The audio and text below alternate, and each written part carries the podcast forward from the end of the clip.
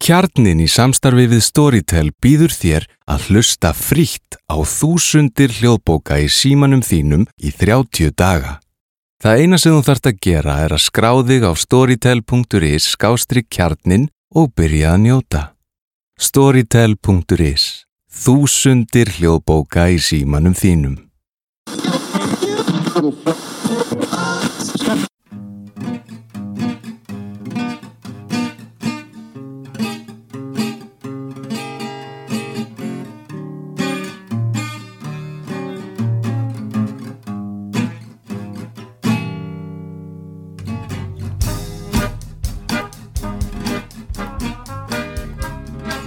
Velkomin í samtal við samfélagið hlaðvarp félagsfræðinar. Nú á tímum COVID-19, þar sem allir eru meir og minni sóttkví eða minnstakosti samkomiðbanni, er mikilvægt að prófa nýjar aðferði til að koma félagsfræðinu til ykkar. Því nýtu við tæknina og ætlum í fyrsta skipti að prófa hvernig gengur að taka upp viðmælenda sem situr ekki fyrir framann okkur, heldur fyrir framann tölvuna. Og gesturinn er ekki að verri endanum. Ég ákvaði að ringi fyrrum doktorsnema minn við Boston University Alexandre Sassia White, en hann er núna lektor í félagsfræði og sögur leknavísindana við John Hopkins háskólan í Baltimore. Ástæðan fyrir ég ákvaða að prófa þetta í fyrsta skipti með Sassia er að rannsóknir hann snúast yfir að faröldrum og þá sérstaklega heimsfaröldrum. Í doktorsritgerðsynni skoðaði hann til dæmis hvernig skilningur okkar og viðbröð við heimsfaröldrum eru félagslega sköpuð og hann vinnur nú að bók sem byggir á ritgerðinni. Ég skipti nú yfir á ennsku. Welcome to the podcast. And thanks for being Thank with us today. much. Thanks for taking Thank the time you. to be with us. Great to see you. Oh, it's my pleasure. Um, yeah, I just briefly introduced your work and focus on infectious disease. Uh, but I would like to start a little bit with just getting a feeling of what things are like in the US at the moment. And of course, here in Iceland, we see the the news about how things are developing. But maybe just sort of a general feeling of what does it feel like being in the US at this moment? Yeah. Um, I mean, I imagine the the reporting from uh, outside the United States is um, must be it, it must be puzzling to look at to look at the responses that are taking place in in the U.S. right now. Uh, we're still seeing uh, very low rates of testing for COVID nineteen across the U.S. Um, I expect rates of testing will ultimately increase over the next few weeks, but as we've learned uh, so importantly from many other cases around the world and nations around the world, it's so important to test early and to test often um, when it comes to this particular uh, pandemic.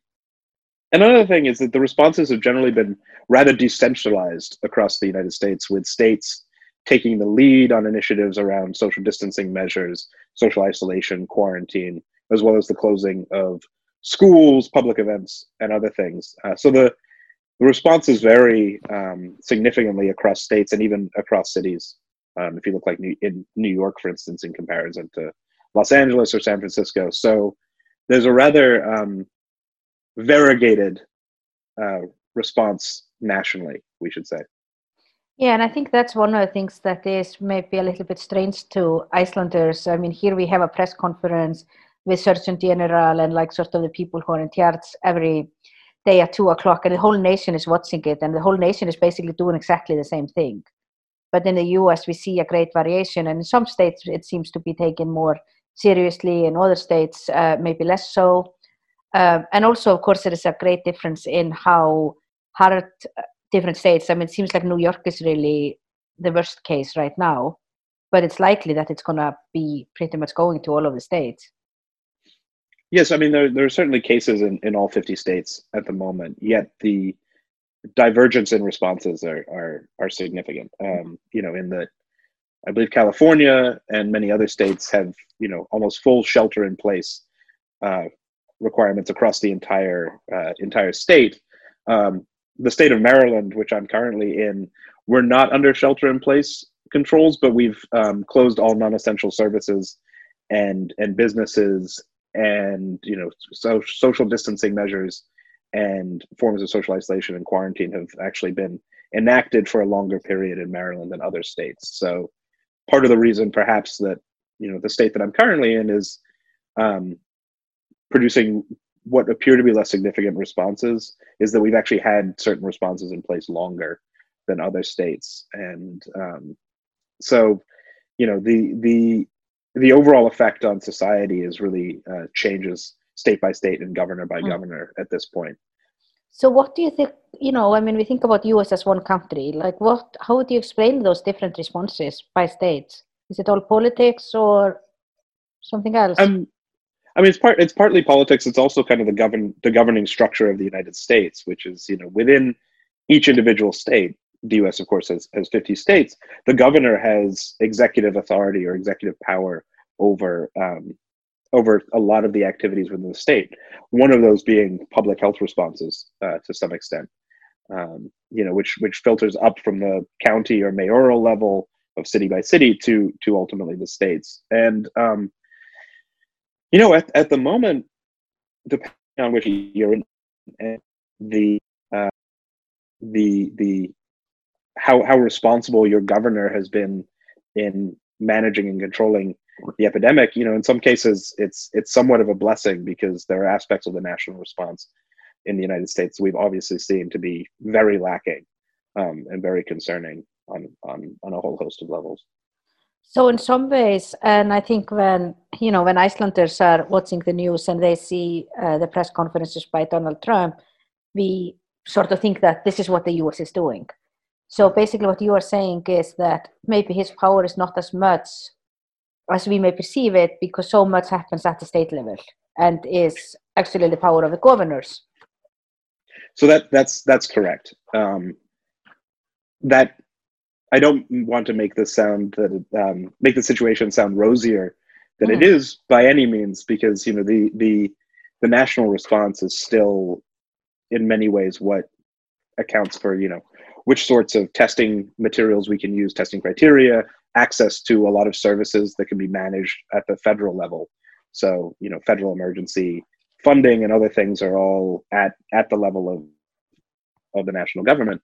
But when it comes, you know, but when Donald Trump says, for instance, that he's considering removing the control, the, the social distancing measures um, across the country, he doesn't necessarily have the authority that that sort of statement would convey. In that the governors, on a large part, are still responsible for managing those sorts of, of regulations. And mm. uh, you know, as a as a sociologist and as a historian of medicine, I'm I'm rather grateful for that situation because I think I think in large respect, you know, it's it's not controversial to say that the governor most of the governors are handling this uh, pandemic more seriously than perhaps uh, the president. Mm-hmm. And I think one of the things that you know is sort of surprising are exactly like those responses. And I think you know we are largely, uh, you know, seeing the press conferences and maybe what Trump is saying. Uh, but sort of thinking like more broadly uh, in the US case about the role of politics and economic interest uh, as impacting the situation in the US, maybe in comparison to the advice of medical and public health experts, like sort of how do you think the balance is and what is mattering more, or in what ways are they mattering?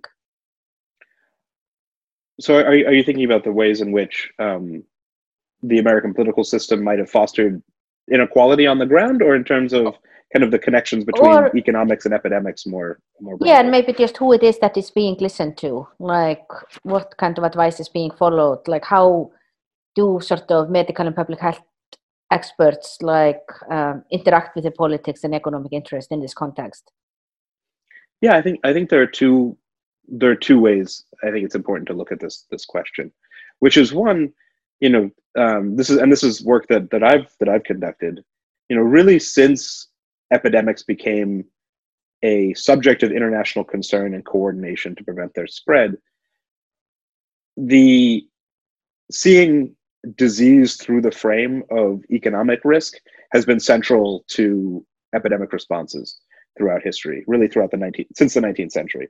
So when we think about the lenses through which we understand sociologically an epidemic, it's important to realize that so much of epidemic threat is wrapped up in in both the kind of biological and medical concerns about um, death rates and morbidity and mortality attached to a disease, but also critically um, the economic risk of an epidemic is is is critically tied up in, in all these questions and the ways in which, as we're seeing now, uh, epidemics and pandemics can cripple the global economy has always been part of the perception of what constitutes disease risk.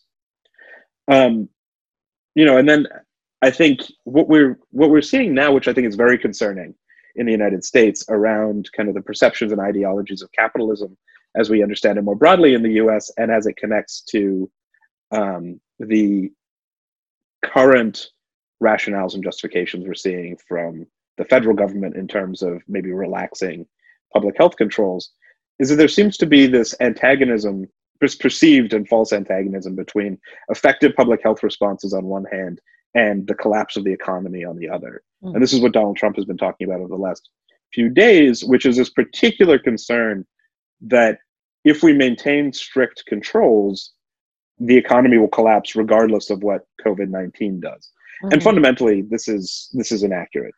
You know, the and, and it and it speaks to a particular blindness, I think, of of certain ideologies of capitalism that would see social welfare support and social welfare systems as being antithetical to economic growth. Mm-hmm. And let, let, me explain that a little bit further, right. which is, you know, the as the United States is currently, you know, nationally we're voting on stimulus packages and support systems for, you know, our skyrocketing skyrocketing unemployment and economic losses associated with COVID nineteen. But the perception from Trump, especially, is that the risks of continued social isolation will just lead to economic degradation because people aren't working, people can't run the businesses that they need to run. So perhaps it would be worth the risk to get people back out and working, um, you know, and will suffer the the COVID nineteen consequences as they are, which could be obviously devastating if you've seen what happened in Italy and if you look at current projections.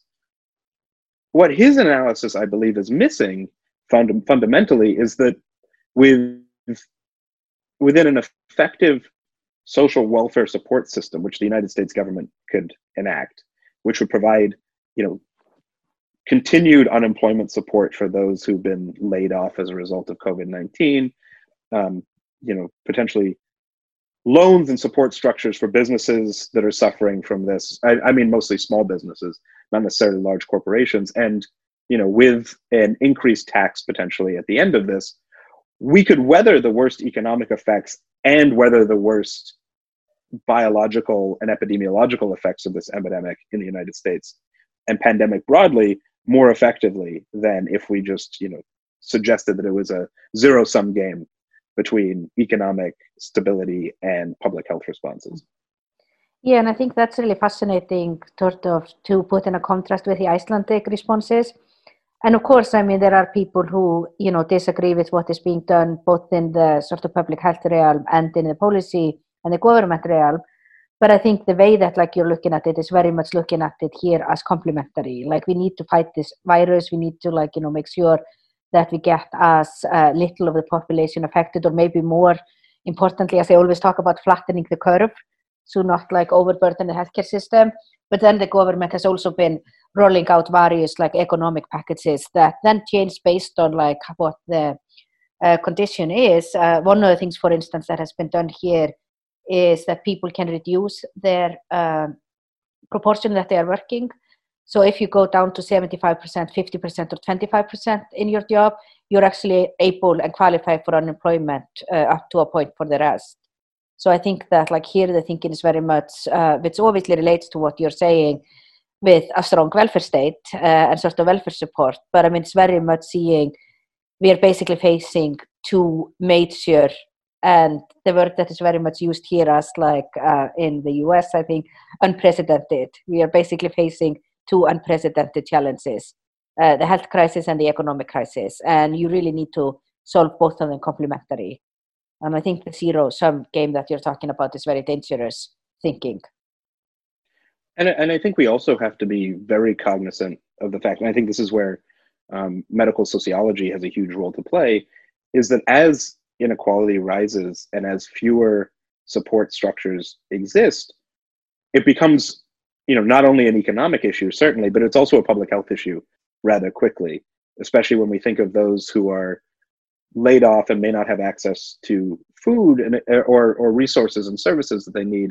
If they get sick and have to sacrifice uh, social isolation and quarantine in order to go you know get provisions and support for themselves then this trickles out into a much larger um, potential epidemiological threat than than it already is. And that's you know these are these are dovetailed problems that are very serious and we need to address them with both supportive economic policy I, I, mean supportive of those who are who are the worst affected of this by this and also um, you know effective public health responses that take into that take into um, account the socioeconomic and demographic issues associated with this epidemic.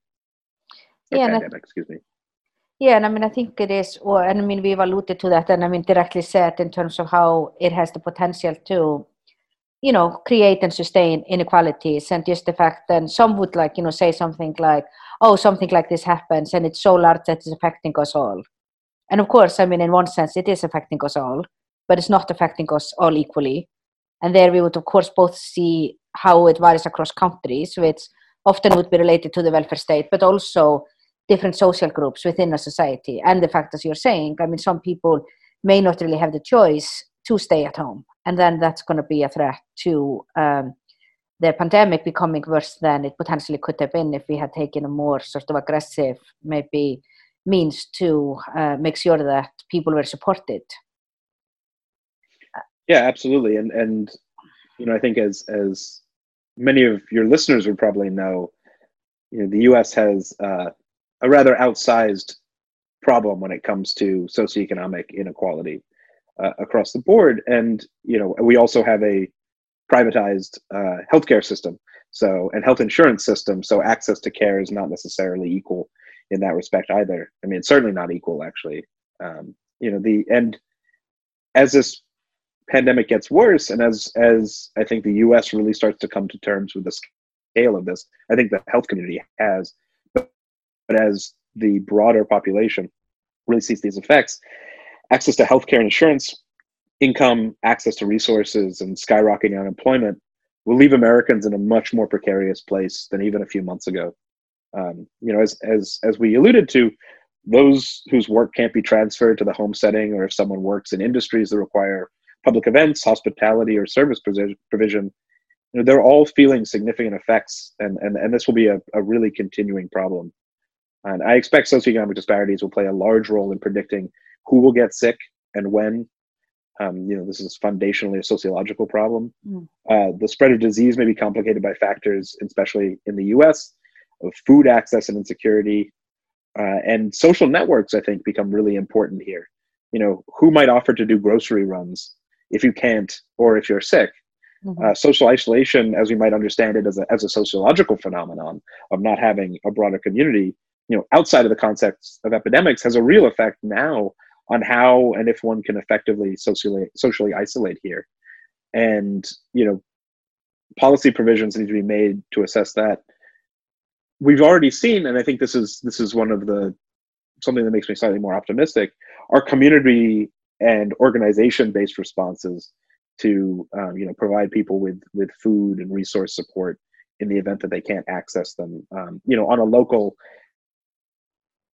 in baltimore um, you know, I have I have uh, one of my one of my grad students is uh, continuously doing grocery runs and shopping runs for people who might not be able to leave their home or are old or infirm or at risk um, and need and need goods and services um, or need goods that are um, that would put them in harm's way or by virtue of them being ill put others in, in harm's way if they were to go out yeah, and I think that's like sort of continuing with inequality. I mean, I think some of the things that are very hard for Icelanders to understand, and I mean, as we talked about, I mean, we are testing quite a lot here. I mean, we are testing among the most of the nations, even though we still complain that we are not testing enough, and those people who may want to test are not getting them. But it's a very sort of clear procedure of who is going to get tested and when. And I mean, it's related to where you've been, uh, who you've been in contact with, and the severity of your symptoms.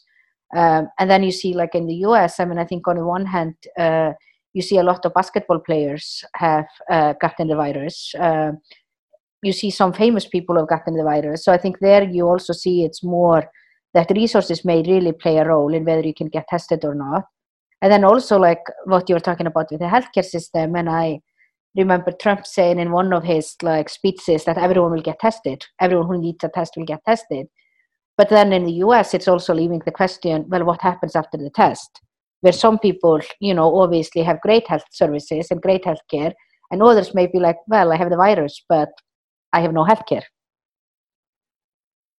And I think this is this is that level of of insecurity and um, you know, and the and not knowing what the responses will be, you know, within within the population has produced a lot of anxiety, obviously. And I think this is what also constitutes, um, you know, some of the negative uh, responses that we've seen around, you know, the hoarding of food, um, the hoarding of, of toilet paper and other household goods like hand sanitizer, cleaning equipment, bleach. Um, you know, this is while we you know, I think I think well, all public health actors would strongly uh, encourage people not to do to partake in such such hoarding practices. You can understand why people have this response, given that there's been very little explanation of you know what the next steps will be, what what the coordinated national or even local plan is to provide people with care and goods and services in the event that they have to quarantine for 14 days, or you know what the long term strategies are for this because you know in in so many ways it's either not being communicated or it's still up in the air yeah and i think uh, sort of uh, moving on a little bit with the topic of inequality uh, i was thinking about the recent article you had in the washington post where you were really talking about what it matters uh, or how it matters what we call epidemics and pandemics could you maybe tell me a little bit about sort of those thoughts and how they may relate to, I mean, I guess specifically racial and ethnic inequalities. Yes. So the the article that, that I wrote with uh, Dr. Uh, Katrina Quisumbing King, who's at um, University of Southern California, really looked at at the Trump administration's recent desires to continue to call COVID nineteen um, you know the the Chinese virus or Wuhan virus or other geographically located and in many ways stigmatizing uh, names that would associate this disease exclusively with with China, and we can put this particular moment in in a wider historical trajectory that really links and demonstrates a consistent anti uh, anti Asian xenophobia around in the United States around the um, circulating around the threat of disease and and Asian populations. Um, you know, in in the article we discussed how in the early 20th century, especially in places like Honolulu and San Francisco, um, the anxieties around uh, the racial other or the the um, or the other in general or the Asian other were used to justify aggressive quarantines and controls against primarily Chinese populations uh, in in sites where bubonic plague had emerged, and these um, racial hygiene and sanitation based arguments for controlling Chinese populations were used to justify a number of policies, including the Asian Exclusion Act, which um, limited or stopped um, migration from uh, China to uh, the United States in the late 19th century and 20th century. We have constant associations between, you know, throughout the 20th century, associations between um, Asian populations and unhygienic food and health practices. So the what we're seeing at the moment is really not uh, not new and situates itself within a really unfortunate tradition of stigmatizing populations of Asian descent um, you know in in in moments of of epidemic uh, spread that's uh, neither new and unfortunately is in some ways uh, unsurprising given mm. the current president. And it has consequences for the population at hand. It has huge consequences. I mean it produces you know we've seen um, spates of xenophobic violence anti anti-chinese and anti uh, anti-asian violence uh, across the united states and across the world that has become you know deeply unpleasant, and, and this leads to you know people might with, this is a this is a significant public health consequence potentially because we know from um, other stigmatized diseases like HIV, AIDS, uh, certain sexually transmitted diseases, and others that once they become associated with um, a group or or that group becomes stigmatized as a result of that disease, people are more reticent to get testing to come out in public if they um, if they need help or you know or or, or potentially um, allow the disease to spread further because of the fear of reprisal um, from from the general public or from or from health actors. So this is this is a very grave concern, not only because you know for one it's it's bad it's bad public health to associate any disease or call any disease um, you know by by a certain geographic region because foundationally this can breed stigma and hate but also it might drive um, cases under where we necessarily pick in surveillance and thus uh, force us to kind of misunderstand the scale of the epidemic more broadly. And this interest in epidemics and pandemics, uh, you have quite a long, long history of being interested in it. So maybe if we move now a little bit to talking about your previous work, uh, and you know we'll return to talking about those issues. But uh, I'm interested in just knowing how and why you became interested in this research topic. Like, where did this all start? Because it's been like you started this already in your master's studies uh, some years ago. I, d- I did a bit. That's that's right. Um, so I became interested really in when I was doing my master's degree at the London School of Economics in the connections between um, health responses, the effects of disease, and foundationally uh, systems of social control uh, that have existed throughout history. So I wrote my uh, my master's thesis on HIV and tuberculosis co-infection in South Africa, and how you know the spread of disease demographically, primarily within um, Black South African populations, um, forced a, a, reconsidering and a reproduction in some ways of certain systems of social isolation, racial segregation, and inequality that um, that in some ways mirrored apartheid structure legal structures that were put in place to produce the same effect. So i became interested in the relationships between disease inequality and uh, health regulation really at that time. When i started my my doctorate i became fascinated um, by especially health responses to other epidemics um, beyond hiv and tuberculosis and especially in a um, in a historical perspective. So, you know, coincidentally, I began a research project looking at divergent responses to epidemics of smallpox and bubonic plague in in um, British-controlled Cape Town in 1901 to try to understand why, given kind of the similar dynamics of the disease, uh, why responses to bubonic plague produced very very aggressive racially segregating responses um, in 1901 um, in, in in comparison to smallpox. And this happened to be at the same time that the Ebola epidemic in West Africa was taking place, and we were seeing somewhat similar machinations taking place uh, in in West Africa. And at that point, I, I became interested in the history of international regulations and conventions to manage the spread of disease, and how perceptions of disease threat emerge uh, through these regulations. And sort of briefly, and I think you are starting to talk a little bit about what then became your dissertation. Uh, that was called Epidemic Orientalism, Social Construction and the Global Management of Infectious Disease. And you maybe alluded a little bit to this uh, already, but maybe just very briefly, if you could uh, tell me what was the sort of main overarching research question that you were attempting to answer in this dissertation, and why is it important? Like, why is it something we needed to know? Yeah, so um, so the, the dissertation is now is now a book manuscript. Yes, um, I did see that on so, your CV. That's very exciting. Which is, I mean, it, it it's. I'm going to read it again. Uh, so I read the dissertation, and now I will read the book when it's out. Yeah, there are a couple of chapter new chapters. Um, yeah, that's exciting. The, yeah, so so the the the the dissertation. Oh, sorry, the the book now, uh, the book manuscript explores really this question of how and why certain diseases and epidemic threats are prioritized by international actors over others and why international responses to epidemics emerge um, as a result.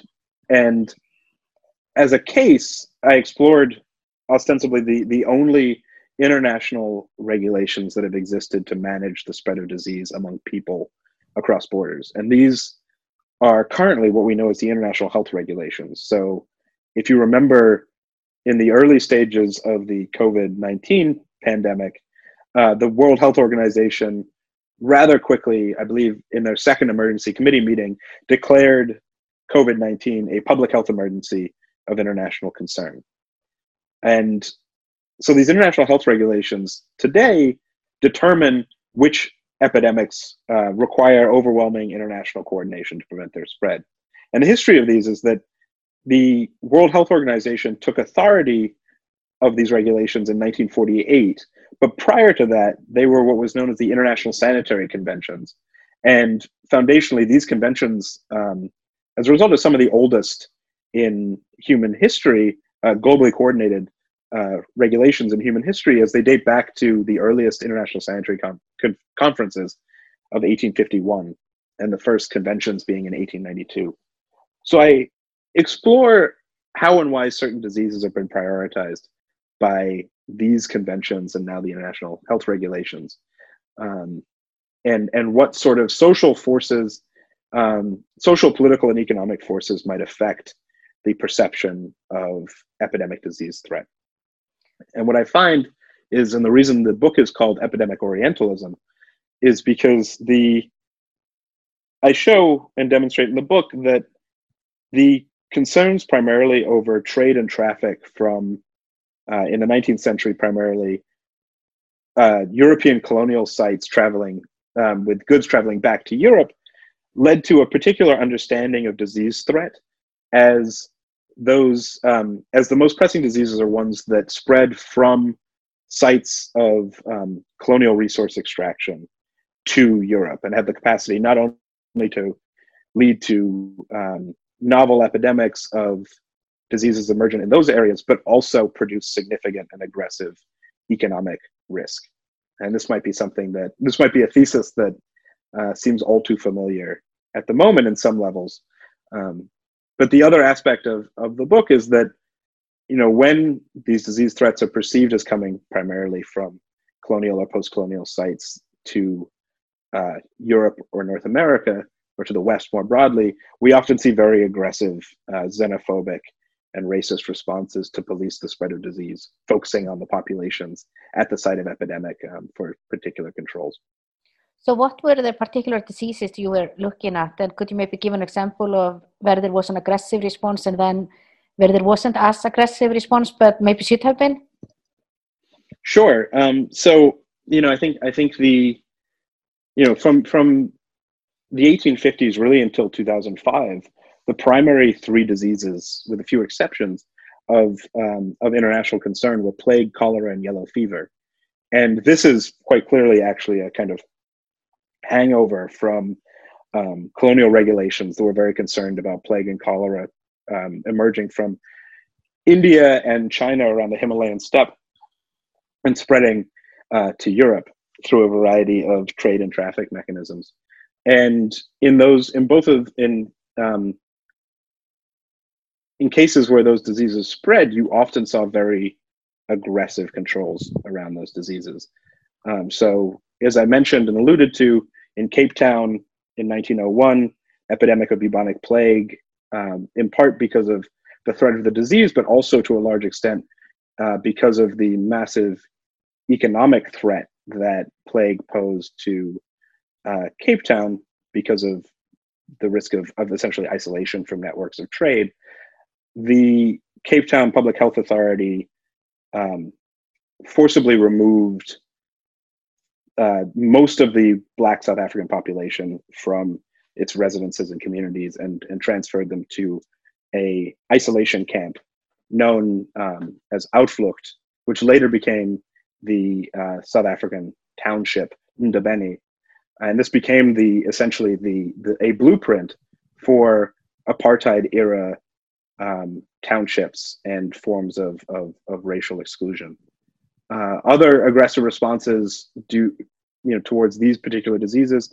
In in India, very aggressive responses were put in place to control the spread of, of plague and cholera explicitly, despite these diseases not necessarily being the most predominant public health threats in terms of deaths, but because of the economic and political risks to uh, long-term trade with India between and between Europe and India, um, you saw very aggressive forms of caste-based, as well as um, you know uh, quite punitive uh, controls placed on Indian colonial populations.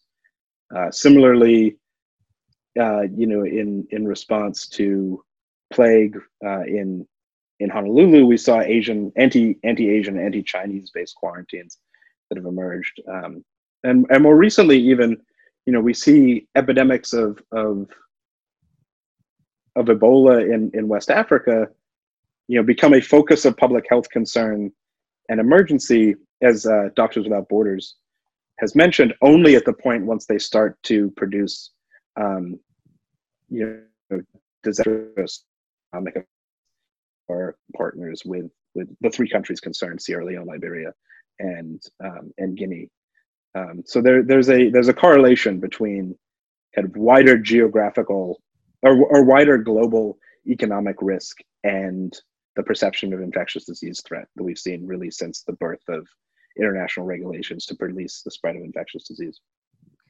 So in some ways, uh, even if we, you know, tend to maybe think about diseases as something that is really just biological and there is nothing social about it, I mean, you're really showing that pretty much each and every aspect of it is social in terms of the responses and often related to economics, but also it seems related to maybe how we are valuing certain people or groups of people above others in society and related to stigma too and has consequences for stigma. Yeah so it's it's very i think it's i think i think there's if there's one thing that sociology really brings or sociology brings a host of things to all sorts of phenomena. Sociology viewing, brings everything everything. Exactly. But um you know the the you know what I, what I think is most important when thinking about a, a sociology of epidemics or a sociology of pandemics is that it's important not it's important to view a epidemic through a variety of different lenses within society. So there are, you know, we can perceive epidemic threat purely as biological, as purely as epidemiological, but that really doesn't uncover all the layers of meaning attached to to an epidemic or, or a pandemic. And for that, we need to explore the social, the political, the economic, and and the financial, and the ways in which all of these perhaps different um, variety of different ideologies and ways of seeing and um, understanding the world actually come to play in um, in understanding and, pro- and, producing a particular conceptualization of epidemic threat. The um, you know, and, and the ways in which so many of these responses that I that I discuss and I discuss in my book hinge upon the control of particular bodies that have been racialized or are seen as as other um, you know the ways in which you, you see so so often these particular xenophobic responses indicates the ways that uh, racial xenophobic ideologies filter into international health responses um, consistently and it's, it's, something we're also seeing at the moment mm. Yeah, and maybe sort of thinking more about that and, you know, sort of the work you've done, the expertise you have. Um, do you think there are some lessons from that that can be uh, learned uh, that apply to the current situation with COVID nineteen? Yeah, I mean, I think I think that um, you know, there's there's a great quote by by Maynard Swanson that I've been thinking about a lot, and he wrote a, a work called the Sanitation Syndrome about plague in in, in South Africa, which is that you know um, epidemics don't create abnormal situations, but rather expose um, existing social inequalities and um, and uh, and and racial and ethnic differences. The I'm, I'm paraphrasing, but the argument being essentially that you know moments of epidemics or moments of pandemics really expose the um, structures of often racial and ethnic, but also potentially um, homophobic or sexist uh, structures that exist within society.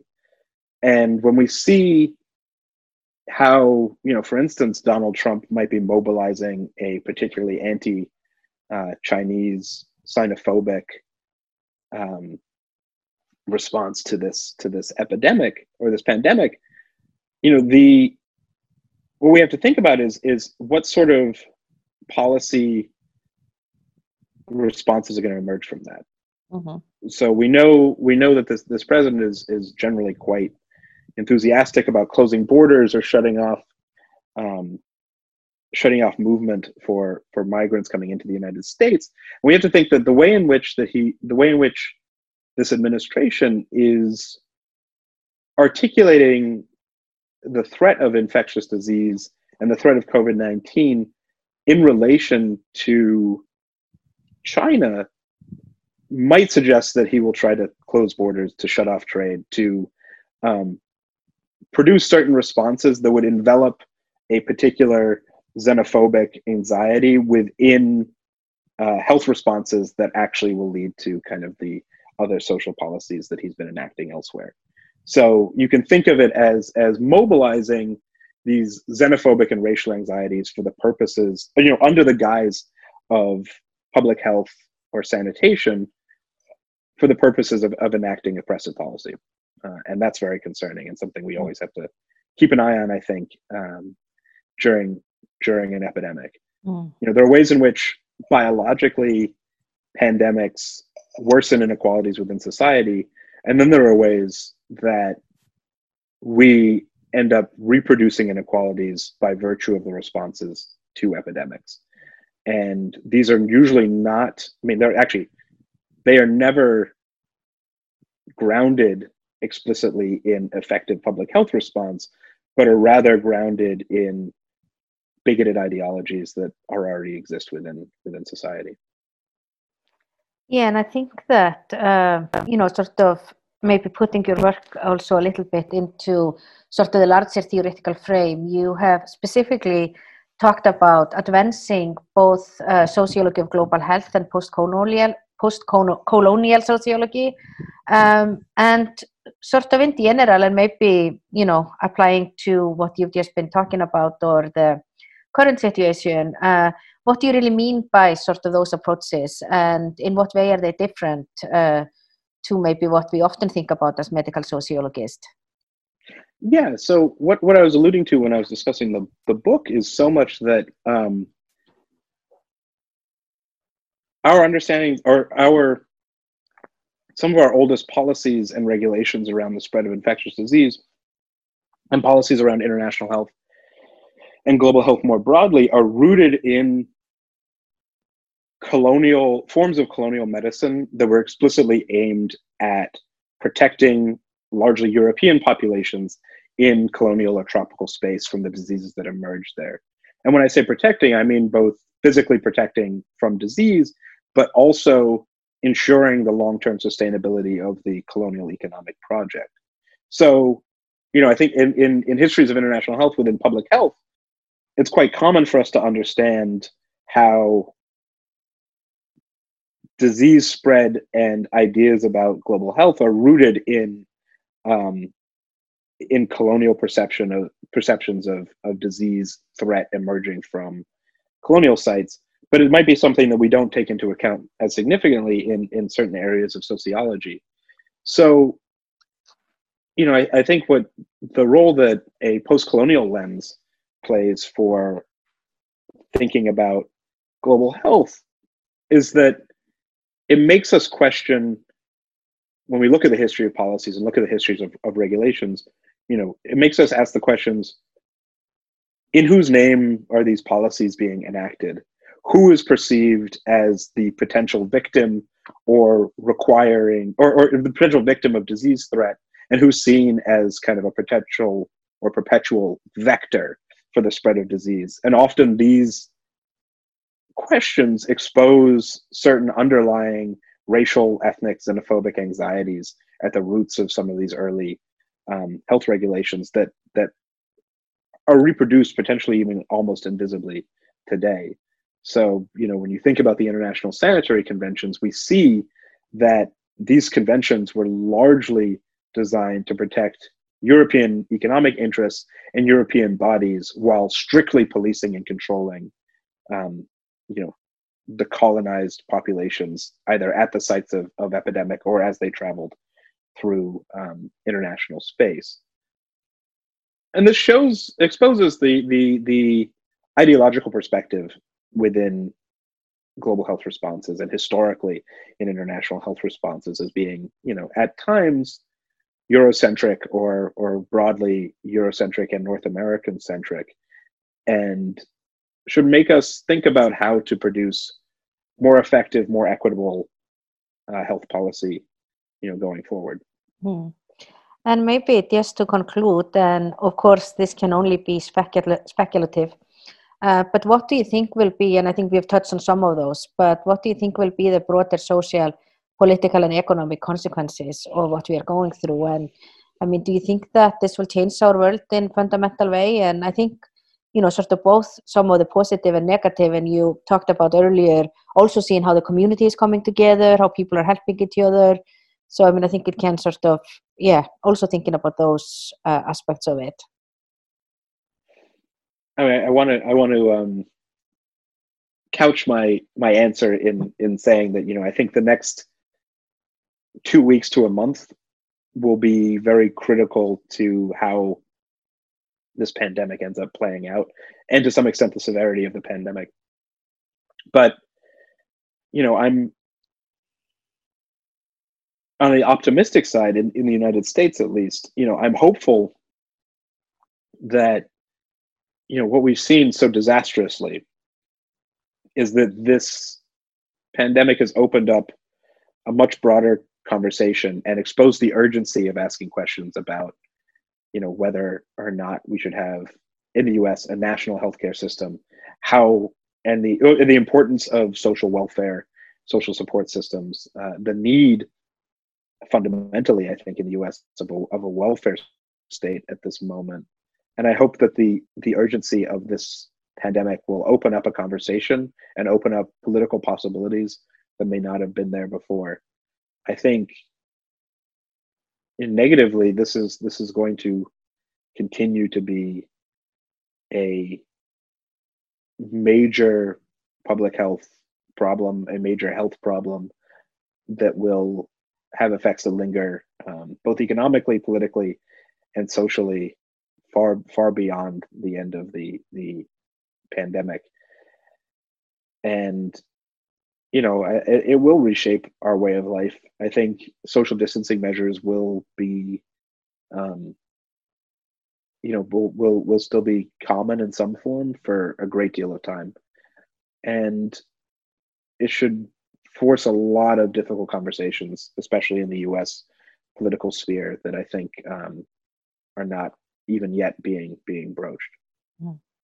Yeah, and I think it relates back to, and you know, again using this of unprecedented times. Uh, but I think if someone had told me what the world would look like today, I don't know, a month ago, six weeks ago, I would have looked at that person being like, "You're completely out of your mind. Like this is never going to happen." And I think we, I mean, it's been very apt to just in many ways having to fundamentally alter how we live our life and how we think about our world. Um, and yeah, and I mean, it remains an open question. Then, I mean, I think the only thing we know it's going to have an effect for a long time. Yeah, I mean, I think you know, I I I, uh, I study these these things, and I study pandemics and epidemics, and you know, the specialists, the health specialists who, who look at this have been plan have been anticipating a severe pandemic for some time. But even so, you know, even with knowing that, I, I didn't, you know, I, I couldn't have foreseen what the actual experience of living through this is, is like on, on this level. Um, you know, academically, I could conceptualize it, but physically, emotionally, personally, it's a very different thing. Yeah, no, and I completely agree with you on that. I mean, I think some of those you could have said, but yeah, living through this is certainly in many ways like living through something that I have not experienced living through before. Absolutely, absolutely. Well, uh, this has been very uh, informative and wonderful to learn about. Well, wonderful is maybe not the right word uh, in this time and age uh, with everything that is going on. But yeah, very interesting to learn about uh, how things are in the US and how it relates to your work. So thank you so much for being with us today. Thanks so much. Appreciate it.